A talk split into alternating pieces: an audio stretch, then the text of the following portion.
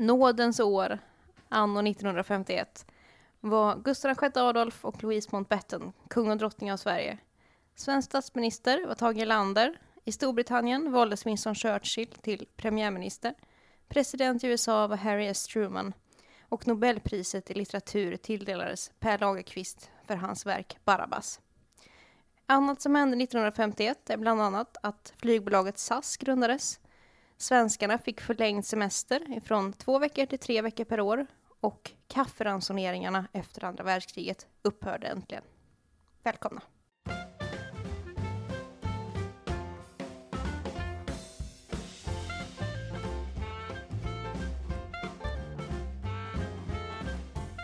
Ja, hej och välkomna till ett specialavsnitt av Historielingo.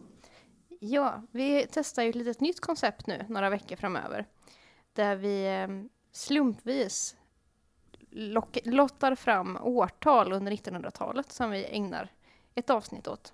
Och jag som pratar nu heter Ivar Morgan. Och jag, jag heter Lisa Viktorsson.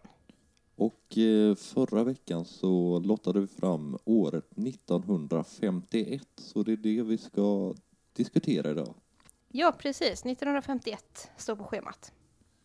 Och som du nämnde i din inledning där, det hände ju ganska mycket stora saker och eh, Koreakriget inte att eh, förglömma. Men vi ska väl prata lite mer om mindre saker i tanken. Precis. Um, nu nämnde jag ganska små händelser i mitt intro också. Vi ska hålla oss fast vid de här små händelserna. För i världsläget 1951 så är det ju framförallt kanske två stora eh, nyhetshändelser. Och det är ju Koreakriget som Mm. du nämnde och även att eh, freden med Japan mäklas då efter andra världskriget. Eh, och det är ju givetvis jätteviktiga världshistoriska händelser. Men i den här podden, i det här avsnittet, så ska vi fördjupa oss i lite mindre, väldigt mycket mindre händelser. Ja, för tanken är väl egentligen att det blir lite för mycket. Sådana händelser kräver lite för mycket tid och skulle egentligen behöva ett e- helt eget avsnitt. Ja, och sen kan det vara ibland behövligt att ta upp lite mindre bortglömda eh, nyheter också kan jag tycka. Mm. Till skillnad från vanliga historielingo så um, har vi förberett oss lite denna, denna veckan faktiskt och valt ut eh, några händelser var som eh, ja, vi tycker är intressanta med just 1951. Ja, verkligen. Och eh, jag tänker väl att vi kör en liten jingel och sen börjar vi. Låter bra.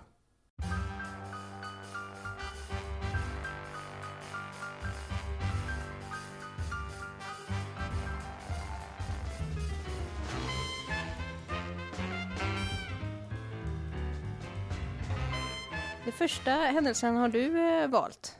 Ja, för lyssnare som lyssnade på avsnittet vi gjorde om 1908 vet att jag i det avsnittet tog upp lite obskyra sporthändelser, vilket är ganska olikt mig faktiskt. Ja, precis. Det var billopp jorden runt. Precis. Och jag har faktiskt hittat en liknande sak, fast som har med 1951 att göra då istället. Mm. För vi ska ta oss till högsommaren 1951 då det så kallade Sverigeloppet gick av stapeln. Eh, Och vad är då ett Sverigelopp? Jag vill tro att det är ett, en cykeltävling, va? Ja, det stämmer alldeles utmärkt. Det är ju en cykeltävling som ska, egentligen ska gå genom hela Sverige då. Man ska börja i Haparanda och sen cykla till Ystad. Det, det är nerför i alla fall. Ja, det, det, det är nerför i alla fall, men eh, det är nog ganska jobbigt i alla fall. Liksom. Ja, det tror jag säkert. Och eh, man tänker att cyklarna var kanske inte lika många växlar då som, som nu. Nej, det är faktiskt spännande med cykelloppet för att eh, när man skulle göra det här, det fanns ju sportcyklar liksom. Mm. Men det här skulle vara ett lopp som skulle vara på tvåväxlade vanliga cyklar. Det var en del utav konceptet liksom. Okej. Och eh, man skulle då cykla den här enorma sträckan på fem etapper. Mm. Så det är ganska långt varje dag helt enkelt. Ja, det, det lär det vara. Och eh, det, det här loppet skulle då gå av stapeln första juli uppe i Haparanda. Och det fanns plats för 50 tävlande. Mm. Eh, och man hade också satt en gräns på att man fick inte vara äldre än 40 år gammal. Nej, det var ju lite... Det var lite taskigt, eller? Ja, det kan man absolut tycka. Eh, Men det var liksom av hälsoskäl kan man säga, liksom, att man tänkte att eh, folk som är över 40 kanske inte pallar det här, för det är en ganska liksom, påfrestande sak att cykla genom hela Sverige. Okej. Ja. Däremot så fanns det en man i Skåne som hette Gustav Håkansson. Mm. Han var 65 år gammal. Men han ville vara med. Han ville vara med väldigt mycket så han hörde av sig liksom till eh, den här tävlingen och sa att eh, "Jag- jag kan cykla, det är inga problem. Jag har en gammal hoj här på gården.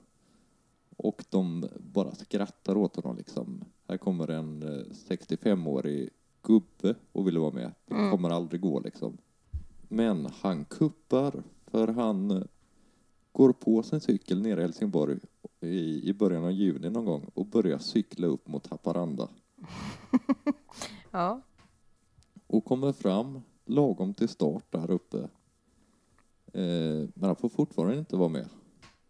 Så att då tar han på sig en egen sån här nummerlapp som han skriver no- en nolla på liksom. För det var ju 50 tävlande men då var han nummer noll. Mm. Och sen så startar han, när starten går i Haparanda så startar han en minut efter att den sista tävlingscyklisten har startat. Och han cyklar. Ja, han hade ju bevisligen cyklat dit, så varför skulle han inte kunna cykla tillbaka? Och han bara cyklar på och cyklar på. Som jag sa, det var ju fem etapper liksom. Och man skulle stanna för att sova emellan de här etapperna. Eh, Men när första etappen var klar, efter 42 mil som den första etappen var, Mm. eh, då, då kände han sig inte trött. Han sa, jag cyklar vidare.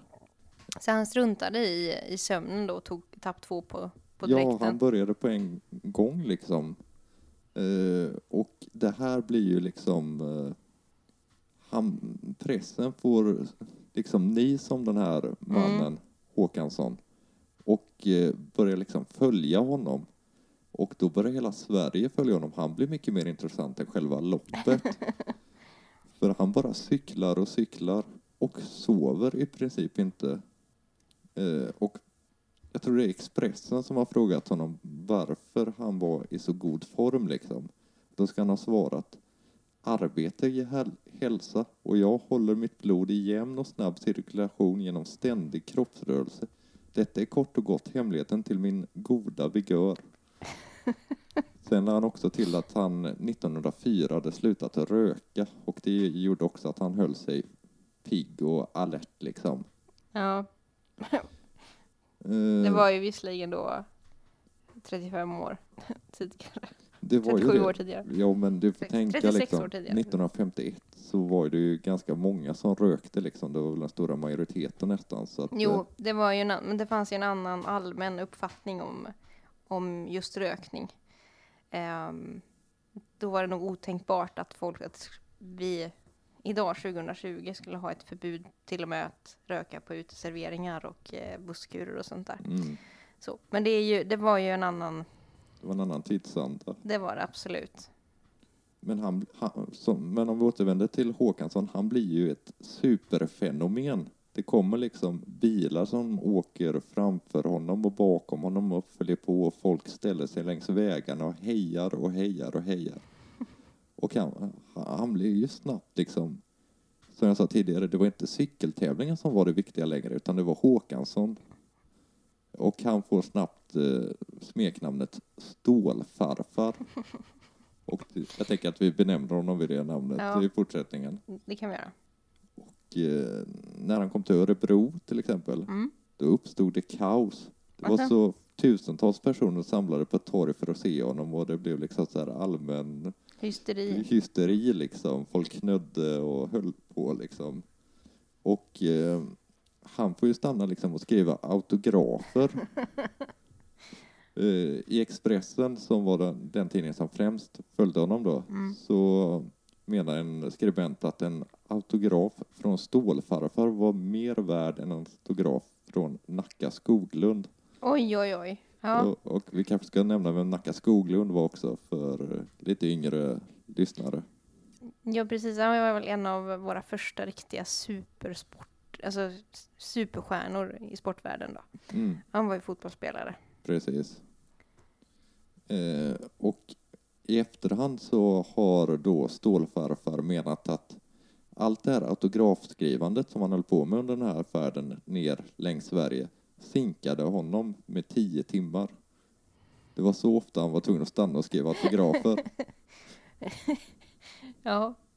Och det tog så mycket som sex dagar för honom att komma ner till mållinjen. Mm.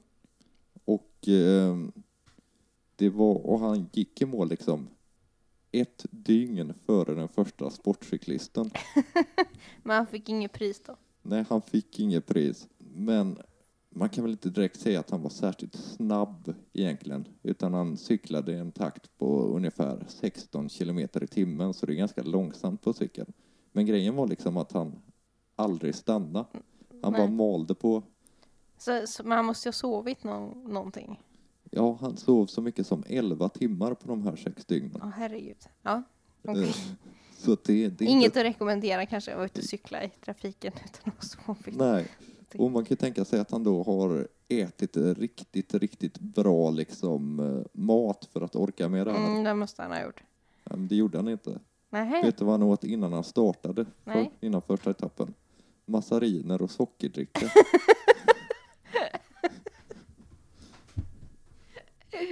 Och sen, eh, men jag har faktiskt eh, en lista här på vad han åt ungefär varje dag under det här Mm. loppet. Han började frukost. Det var kaffe med dopp. Mm, självklart. En eh, näringsriktig frukost, det är nyckeln till framgång. Mm. Sen lunch, då åt han lingon med mjölk, lite choklad och lite skorpor. Ja, och sen så Ja. kan man tänka sig att han stod sig väldigt bra på det. Choklad är i alla fall ganska mycket energi. Ja, i alla fall snabb energi i choklad. choklad. Och, ja, mm. Och eh, då kan man ju fundera på vad åt till middag. Det måste ju varit något riktigt liksom så här stadigt. Så Mm. Det var det inte, det var välling. Kanske han inte ens behövde stanna, tänker jag. Eh, nej, i och för sig, det, det har du Han kanske drack den på, på cykeln. Och till kvällsmål då, det åt han också liksom. Det var antingen kaffe eller sockerdricka. Så att det, det var ju liksom inte... Det var inga sådana här protein, eh, shakes och pulver och sånt som eh, eh, gymmänniskor håller på med idag. Nej, det var och in, inte ens bananer eller ägg liksom. Nej, det var lingonmjölk.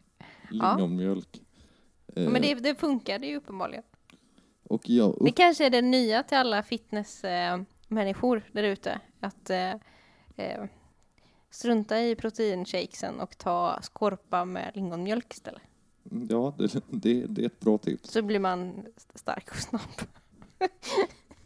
Eh, Jag uppmanar alla lyssnare faktiskt att gå in och googla en bild på Stålfarfar. Mhm. För att han hade ett ganska säreget utseende faktiskt. Han hade ett ungefär 3-4 decimeter långt yvigt skägg och långt hår och en basker på huvudet. Mhm. Cyklar han i basker? Ja, han cyklar i basken. Det är fantastiskt. Och sen så pratade han ganska bred skånska med en pipig röst också. Så han var liksom ett fenomen, en riktig kuv på något sätt. Han var, ja men han, han blev väl en slags idol då för folk, antar jag. Ja, han blev faktiskt superkändis efter det här.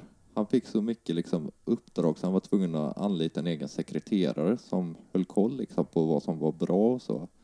Och han eh, slog igenom med andliga sånger också. Han fick, skiv, han fick skivkontrakt. Det var inte bara andliga sånger. Man kan till exempel höra han spela in något med vad heter han? Jularbo Junior kvartett. Stålfarfars vals till exempel som handlar om det här Mhm. cykelloppet. Men annars var det lite som sånger som Barnatro och Oceana och sådana sånger som han sjöng. Och han turnerade runt i folkparken med det här. Och han drog folk. Ja, jag, jag hade velat gått och sett Stålfarfar. Med Mm. basker och skägg och lingon. Lingonmjölk, ja. Sjunga barnatro. Jag hade betalat. När han kom till Göteborg så slog han publikrekord på Liseberg. I sina sånger. Oj, med den sommaren eller Mm. överlag? Ja, överlag liksom. Jag antar att det är slaget nu, men eh, Ja, på den tiden... jag tror att, vi, att det, det, det, nog, det vågar jag nog nästan lova att det är slaget numera. Men det, det säger liksom en del att eh, om nöjesutbudet kanske, att det är stålfarfar som slog publikrekord på Liseberg. Om det finns några lyssna, lyssnare som eh, var och såg Stålfarfar eller eh, bevittnade det här Sverigeloppet 1951 så får ni väldigt gärna höra av er. Och det kan ni göra till historielingo.gmail.com Ja, eller på sociala medier hittar ni oss också under namnet historielingo. Precis. Ehm, men hans cykelturer var inte slut faktiskt. Ha- eh, På ålders först så hoppade han på cykeln igen och cyklade ner till Israel på någon slags pilgrimsvandring liksom och kollade på det heliga landet. Och sen så fortsatte han att motionera in i det sista. Han dog 1987, 101 år gammal. Oj, ja, imponerande. Ja, det, det är faktiskt imponerande. Och då har han liksom levt ett liv lite som någon slags, ja i början i alla fall kändis, men sen som någon slags halvkändis. Och han kunde liksom eh, överleva på det här. Till exempel ett tag så eh, hängde han med en varieté i Skåne som var i Sjöbo och Kivik framför allt. Och eh, uppträdde tillsammans med någon slags striptease eh, föreställning. Något som hans fru inte var särskilt eh, glad i, men Så det, Stål- det, var, det var en blandning av andliga sånger och striptease på hans repertoar. Ja, precis. och lingonmjölk. Men hans fru var inte så glad, men Stålfarfar själv tyckte att det var trevliga flickor, som han sa till tidningen. Ja, ja, det var det säkert. Eh, jag tror stripteasen på Kiviks marknad tror jag tack och lov är lämnad åt historien. Det tror jag också. Ja, det var väl det jag hade på Stålfarfar. Gå gärna in och lyssna på hans sånger och googla en bild på honom. Gör så. så. Så ska vi gå vidare i programmet? Det kan vi göra.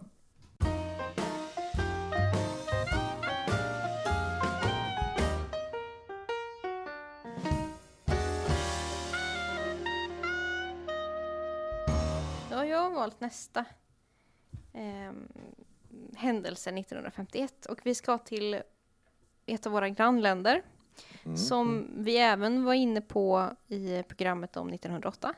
Vi ska tillbaka till Danmark och ehm, det händer någonting väldigt stort eh, i, i, detta kära grannland den 2 oktober 1951. Mhm. För då startar nämligen då DR sina tv-sändningar. Ja, det måste ju varit fantastiskt liksom. Och det här gick att se även ifrån Sverige, gick att se dansk tv. För de var några år tidigare, 1951 då, kommer första sändningarna i dansk tv. Men i Sverige så dröjer det hela vägen till 1956. Men i samband med den här att, Danmark började sända tv så tillsattes då en utredning huruvida det var bra för eh, Sverige att ha tv eller inte. Det är väldigt typiskt Sverige att ha en utredning om allting, vad det än rör. Ja, och det, men det, det blev... em, resultatet blev att tv skulle börja sändas. Och det första programmet som sändes, det sändes 1956. Och det Mhm. hette Sig, Sigge slår på stora trumman. Är det Sigge Fürst? Det är? Sigge Fürst som programledare och gäster i det premiäravsnittet då det var bland annat Tage Danielsson och Ebbe Stenberg. Vem är Stenberg? Som sagt, Tage Danielsson kanske inte behöver någon presentation. Jag hoppas våra lyssnare har koll på vem han var. Mm. Men Gabby Stenberg är ju en av eh, eh, svensk films kanske mest anlitade skådespelerskor under väldigt lång tid. Hon gick bort för inte speciellt många år sedan. Och för en yngre publik så är hon kanske mest känd som rollen som eh, Beatrice i eh, tv-serien Rederiet på SVT. Mm. Men innan dess har hon varit med i oändligt mycket tv-underhållning och eh, film. Och eh, som sagt, det var första programmet som eh, sändes i svensk tv. Men i Danmark då så började man redan, redan 1951, fem år tidigare. Och när vi ändå pratar om underhållning. Eh, det fanns ju som sagt inte tv i Sverige, man kunde tjuvkika där på hösten på dansk tv. Men annars var ju den stora behållningen och underhållningen radio. Ja, självklart. Och 1951 så har kanske ett av de mest legendariska programmen i svensk radio premiär. Eh, den 6 januari 1951 så hörs vignetten för första gången. Jungfru, jungfru, jungfru, jungfru kär. Här är karusellen som ska gå till kvällen och så vidare. Ja, det är Hyland va? Det är Lennart Hyland som eh, har sin premiär av Karusellen eh, som då inleds med att publiken sjunger allsång till Jungfru, jungfru, jungfru, jungfru skär. Um, Catchigt. Ja. Eh, och eh, Karusellen gick ju i radio då, mellan 1951 och 1954. Och eh, Lennart Hyland var programledare. Lennart Hyland var då framförallt kanske mest känd som sportjournalist. Han kom ju sen att bli känd för eh, Hylandshörna. och kommer framförallt för Hylandshörna men även för en del andra eh, produktioner. Men som sagt, Karusellen det började som ett radioprogram och det inspelades på Karl, i Karlaplanstudion i Stockholm. Och det var inspelat inför publik. Och det här var ju familjeunderhållning, lö, lördagsunderhållning deluxe. Ja, man kan ju tänka sig att det måste varit ganska häftigt om man gillade karusellen och satt hemma och lyssnade på karusellen och kunna komma dit som publik liksom och, och se de här personerna på riktigt. Och inte bara som publik. För till skillnad från, från många andra program och så idag som det bara är kändisar som ska vara med och göra saker och bli intervjuade så byggde karusellen på att vara så, så att säga vanligt folk. Det var, det var lyssnare som fick vara med och vara inslagen i de här eh, Ja, programmen. Häftigt. Och eh, det var oftast olika typer av uppdrag eller lekar, tävlingar och sådär som, som vanligt folk fick göra.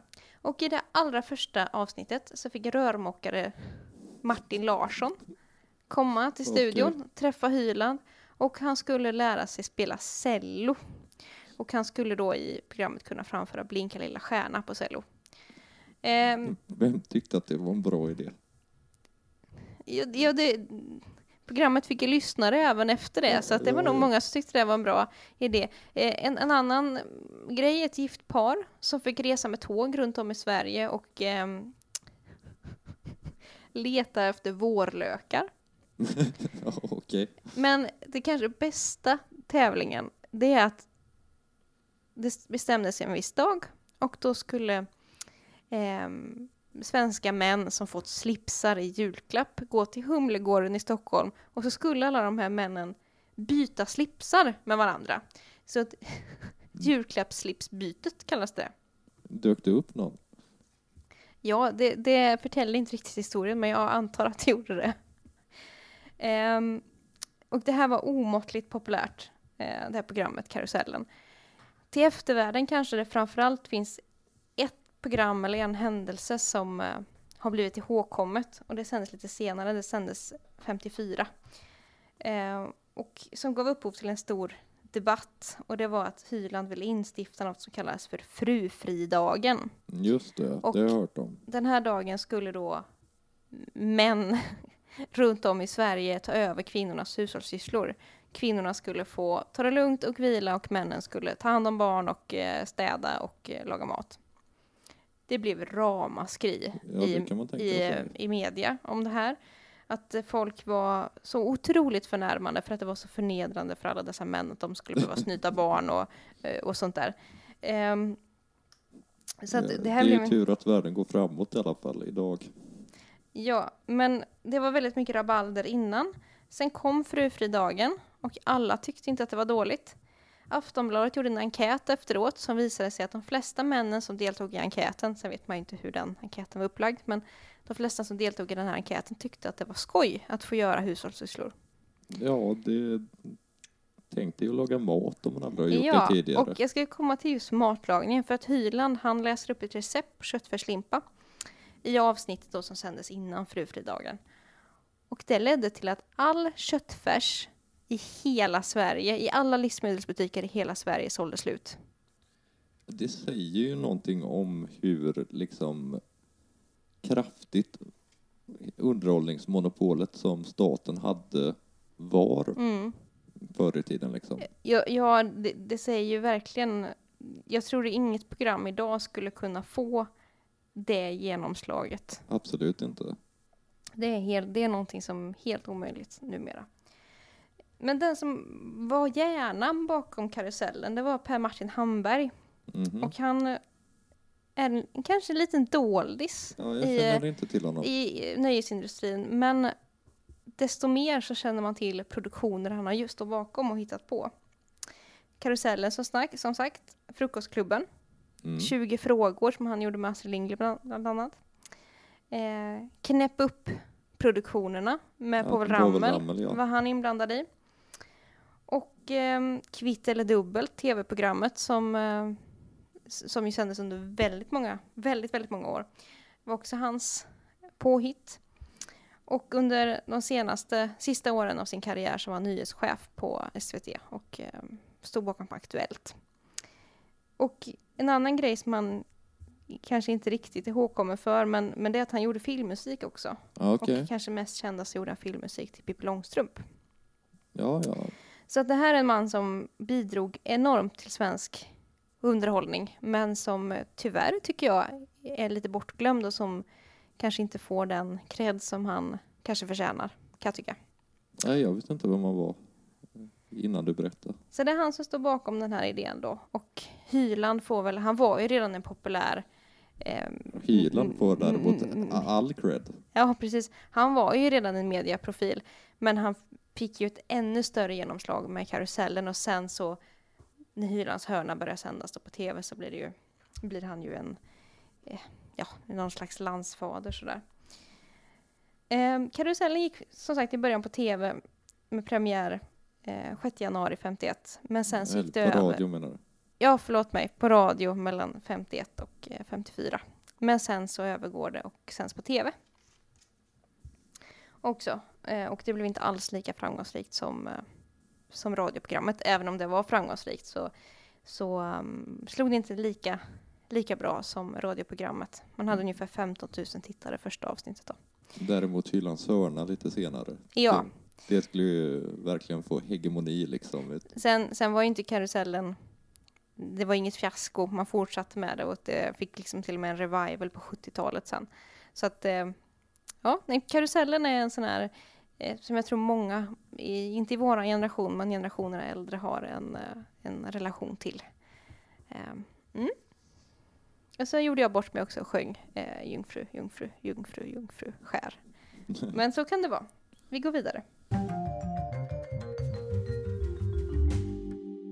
Ja, jag, jag tänkte bara vi kunde ha ett litet kanske potpurri med lite populärkultur när vi ändå var inne på radio. Ja, precis. För att eh, nu är vi ju inne i 1900-talet och ehm, det kan vara lite kul att ha med lite populär, pop, populärkulturella referenser. Ehm, Jag tänkte ge mig in i en lite infekterad debatt Mhm. när egentligen rock'n'rollen kom. Mm. För det finns vissa som menar 56 med Elvis och det är väl den gängse uppfattningen. Mm. Men det finns andra som menar att den faktiskt kom 1951 också. Och det beror främst på en låt som heter Rocket 88. Inspelad av en artist som hette Jackie Brenston. Men eh, själva låten var skriven av en annan artist som hette Ike Turner. Som senare blev superkänd eh, tillsammans med sin fru Tina Turner. Och sen eh, ja, blev eh, bortglömd igen eftersom han slog henne. Mm. Men i alla fall, den här Rocket 88 var liksom en jump blues-låt, det vill säga någon slags lite råare eh, swingmusik, liksom blues swing-aktig musik. Och eh, den spelades in av en man som hette Sam Phillips Mhm. och eh, på ett litet bolag liksom. Men den här, den här blev en hit i USA liksom. Och eh, den gjorde så att eh, Sam Phillips fick tillräckligt mycket pengar för att skapa sitt eget skivbolag som heter Sun Records. Och det är på Sun Records som sen artister som Jerry Lee Lewis, Elvis Presley och eh, Johnny Cash Mhm. kommer fram 56. Precis. Ehm, men samma år så gjordes en cover utav Rocket 88 av Bill Haley and his Saddleman. Och Bill Haley är ju han som skapat en annan låt som heter Rock around the clock.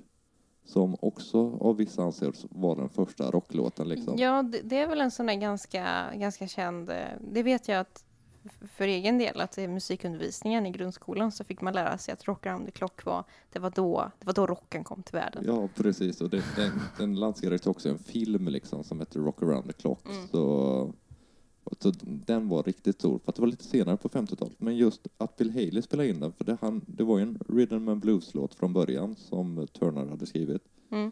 Men Bill Haley, innan rocken fanns, kunde han ju inte vara rockmusiker liksom. Han var Nej. countrymusiker då. Och en del menar liksom att eh, det är i brytpunkten mellan rhythm and blues och country som liksom rocken skapas och att det är första gången det här händer är när han spelar in Rocket 88.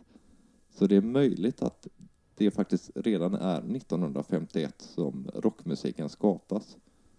Eh, I vilket fall så är det en liksom så här viktig låt för rockmusiken överlag.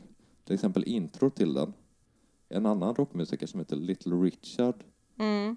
han har kopierat det ton för ton i sin kända låt Good Golly Miss Molly. Så den, den är viktig. På tal om en annan eh, liten Rickard, för lille Rickard och hans katt publicerades för första Nu, gången nu, i har vi, nu har vi bytt, bytt ämne helt antar jag. Ja, precis. Lille Rickard och hans katt eh, var en serietidning av Rune Andreasson. Mm. en, en serie, inte en tidning, men en serie. Som också 1951 eh, publicerades för första gången i Aftonbladet som en stripp. Liksom. Och eh, Andreasson hade egentligen länge haft den här serien men blivit retuscherad av många tidningar. Men eh, 1951 så kommer det här till världen och det är ju någon slags föregångare till Bamse kan man säga. Mm. Ehm, på samma tema så har jag en annan, en barnbok som kom 1951. Mhm. som eh, jag har läst på nu, som jag faktiskt inte kände till innan. Skriven av Ester Regnér Lundgren. Och den heter Kvirro hoppsan. Ja, det är inget jag känner till heller faktiskt. Nej, den kom totalt till 21 band och det första då kom eh, 1951. Och eh, det var Lucy Lundberg som var illustratör och målade då bilderna. Och Kvirro hoppsan, det var två troll. Okej. Eh, som var väldigt olika med varandra. Den ena var from och eh, snusförnuftig och eh, ordentlig. Och det var då Kvirre. Medan den slarvpellen då, det var hoppsan. Och de tyckte inte om varandra. Nej, det kan vi tänka sig. Men hur det nu var så blev de goda vänner och de flyttade till Stockholm och de flyttade in i en övergiven telefonkiosk. Och där Mysigt. där får man då följa sen Kvirro och hoppsan när de reser runt i, reser runt i världen. Hade du något, Gå och annat, låna på närmaste bibliotek. hade du något annat på populärkultur? Mm. Ehm, det kom en film 1951 Mm, ja, det som, kan jag tänka mig. som många har sett. Ehm, en, en riktig Disney-klassiker. Mhm. Det är ju eh, filmatiseringen av Lewis Carrolls eh, barnbok Alice i Underlandet som kommer. Ja, den, den, är, den är bra. Mm, den håller fortfarande. Och eh, den kom alltså då 1951. Sen om vi blickar mot Sverige igen så um, är det en boksvit som får sin första, förutom Kvirre och Hoppsan så är det en till boksvit som eh, får sin början 1951. Och eh, jag talar om Ivar Johanssons, en proletärförfattares självbiografi. Mhm. Som ju är en, en herrejösses massa böcker i den här. Men den första boken heter Analfabeten.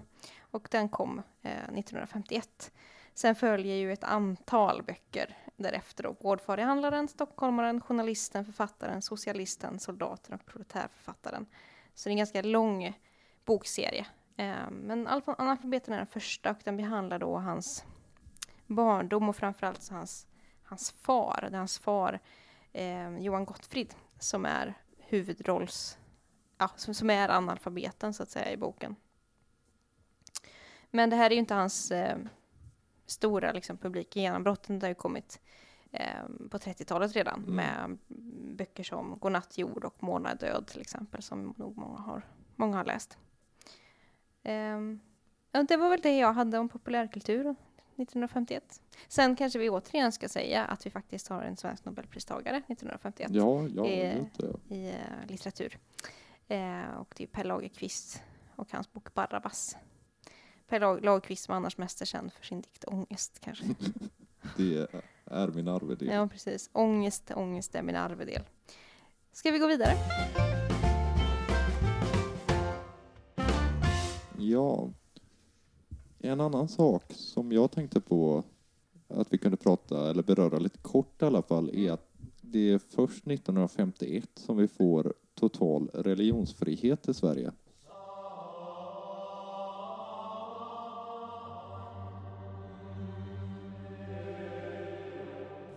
Ja, det där är någonting som vi har varit inne på i den här podden ett antal gånger tidigare.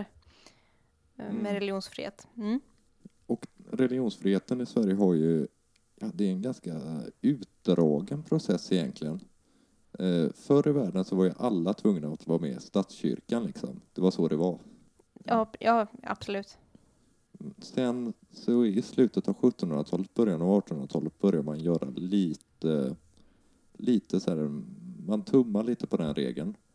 Eh, Gustav III till exempel tillät eh, folk att vara judiska.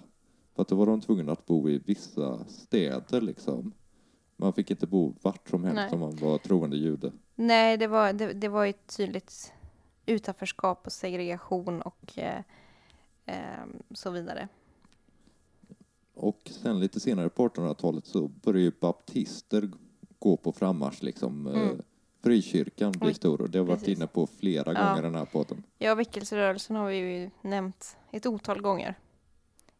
Mm, och det här leder ju då till att på 1860-talet så kommer nya lagstiftningar som säger att man får gå ur Svenska kyrkan. Men då måste man gå in i ett annat religiöst samfund. Man fick alltså inte lov att vara ateist. Nej, precis. Inte allt liksom. Man var Nej. tvungen att vara med och helst ett kristet då. Ja, Eh, Men 1951 då, det är då den här nya religionsfrihetslagen kommer. Och då kan man gå ur kyrkan och man behöver inte gå med i någonting annat istället liksom. nej, utan religionen blir någonting som eh, istället för att vara påtvingat blir eh, ett personligt val. Ett, ett ställningstagande, liksom, att man vill vara med i ett samfund eller inte. Och andra trossamfund får också från och med nu viga par. Det har man inte fått tidigare. Nej, det har ju funnits under vissa omständigheter då så har man ju kunnat vigas borgerligt. Mm. eh, som jag har varit inne på tidigare. Och då är det framförallt ifall det har handlat om att ehm, ja, parterna i, i paret så att säga har olika religion. Eh, om en judisk kvinna vill gifta sig med en eh, kristen man eller tvärtom så var det okej att gifta sig borgerligt. Och, ehm, det var även okej att ha en borgerlig vigsel är rent juridiskt, men att vig- och ha vigselceremonin i en frikyrka. Men frikyrkopastorer hade inte rätt att viga. Och det var vi inne på just för att den här, det här med borgerlig vigsel släpptes ju fritt just 1908. Ja, Som av en händelse. vad Som vi, pratade om, som vi pratade om sist. Ja, vad fint att eh, vi kan knyta ihop våra avsnitt så här. Ja, det är slumpen som styr. Det är ju det. En annan sak som är ganska konstig också faktiskt, att det är först 1951 som katoliker i Sverige kan bli statsråd. Ja, och, ja det, det är väldigt märkligt. Och då har det funnits katoliker i Sverige ehm, hela tiden egentligen, sedan Sverige var katolskt en gång i världen. Precis, även om de har varit tvungna att smyga Mm. lite. Det var ju inte, det var ingenting som var tillåtet. Och det var ju, det här med, med religion har ju varit en, någonting genom historien som har varit väldigt ja, viktigt och det har varit väldigt mycket maktutövande i samband med religion. Så att det är ju, har man tillhört fel religion eller så vidare så har man ju blivit förföljd och det är ju många religioner som har blivit det i både Sverige och eh, utomlands. Och ehm, det var ju till exempel att, som vi har varit inne på förut, att hålla på med eh, frikyrkliga ritualer och sånt där var ju till och med varit olagligt så det ledde till fängelse under perioder under 1800-talet. Och sådär. Ja, inte bara frikyrkliga, utan även katolska. Ja, Liksom. precis och eh, så vidare och förföljelser av samer och så vidare. Det är det är en lång lista. Men eh, 51 då så, så blev det tillåtet att vara, tillhöra vilken trossamfund man ville. Och, och även tillåtet att vara ateist. Ja. Och det är ganska sent 51. Det här är alltså sex år efter andra världskriget. Ja, det är väldigt sent faktiskt. Okej, men ska vi gå vidare lite då? Vi går vidare.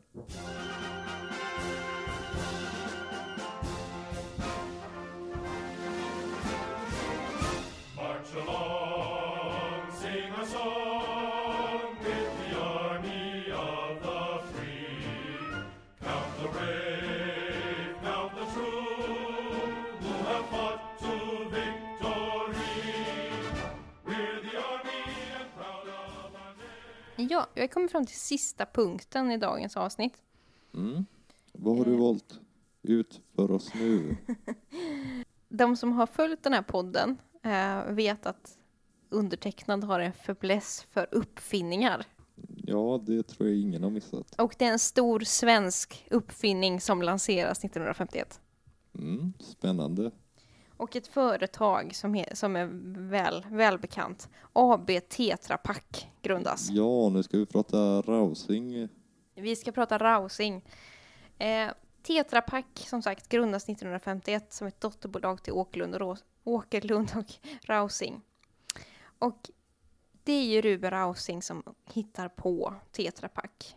Och han har funderat på det ett tag, men lanserar då, eh, eller företaget grundas 51. Och det är ett förpackningssystem. Mm. Att man ska kunna bevara livsmedel lite längre, eller att det ska hålla bättre och sådär.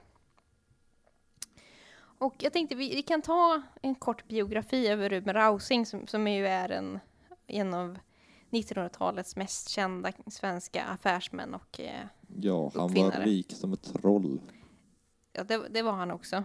Eh, det, blir man om, det blir, kan man bli om man kommer på bra uppfinningar.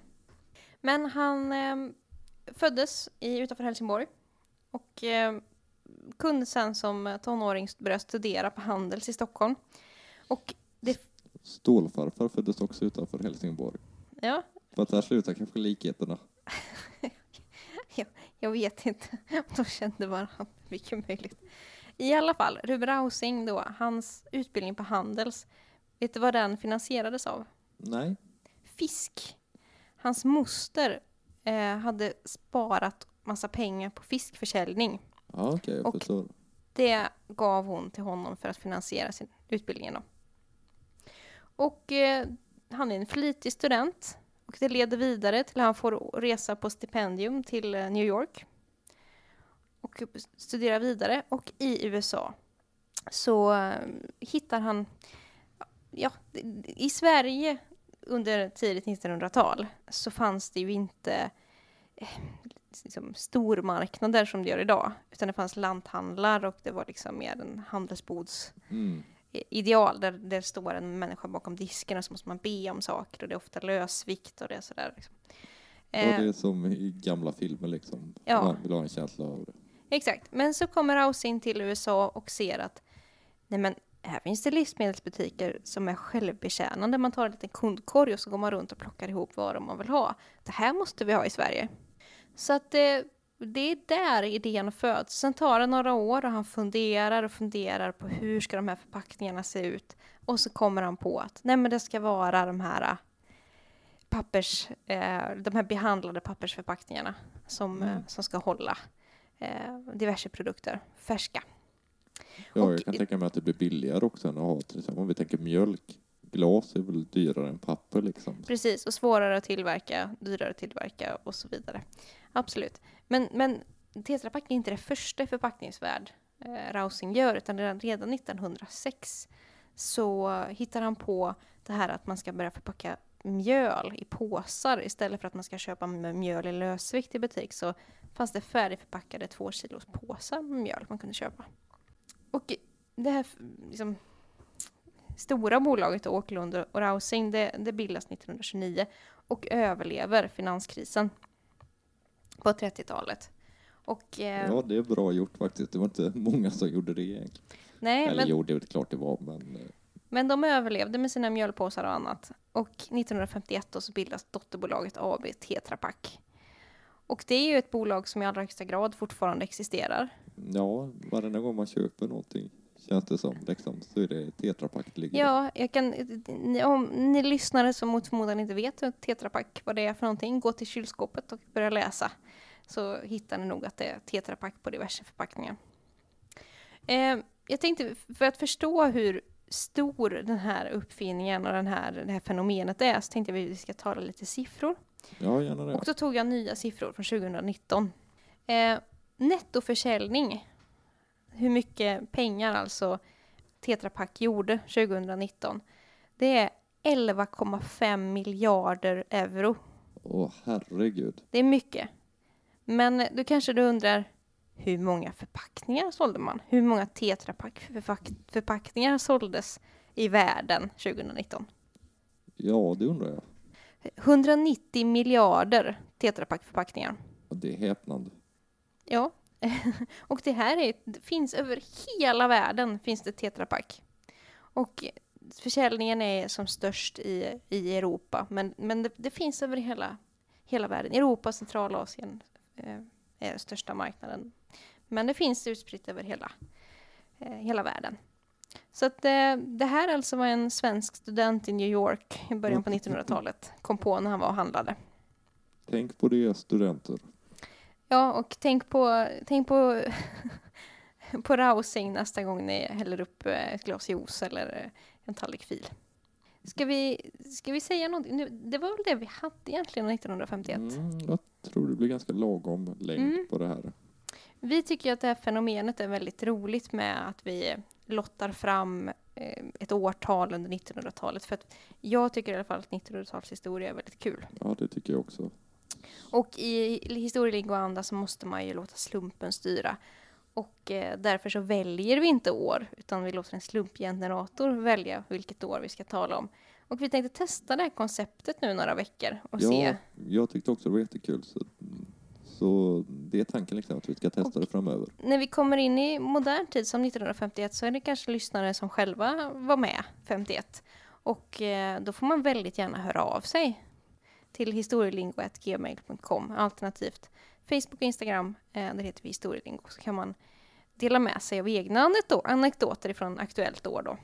1908 tror jag tyvärr inte att vi kanske har så många lyssnare som, som levde, men 1951 Ja, det har vi garanterat. Ja, och eh, vi tänkte väl köra det här konceptet nästa vecka också. Mm, så fram med slumpgeneratorn. Så då kör vi slumpgeneratorn för vilket år det blir nästa vecka. Snurra hjulet. Snurrar vi. Ja, vi ska, vi ska gå tillbaka i tiden tydligen. Ja, det är alltid kul. Eh, årtalet som snurrades fram här i vår eh, digitala slumpgenerator var 1928. Ja, det blir ju lite spridda skurar här. Ja, verkligen. Men det blir kul tror jag. Det blir nog jättekul. Vi ska till det glada 20-talet. Ja, dansa lite foxtrot kanske. Ja. Det... Ska vi sätta punkt för idag kanske? Lämna 1951 därhän. Ja, vi eh, tar oss vidare med tidsmaskinen till 28 nästa vecka. Ja, och så får ni väl ha det så bra 1900... ni får ha det så bra 2020 eh, fram tills dess. Ja, eller om ni lyssnar senare. Ja, ha det bra oavsett kan vi säga då. Tack för att du lyssnade. Stort tack. Hej. Hej.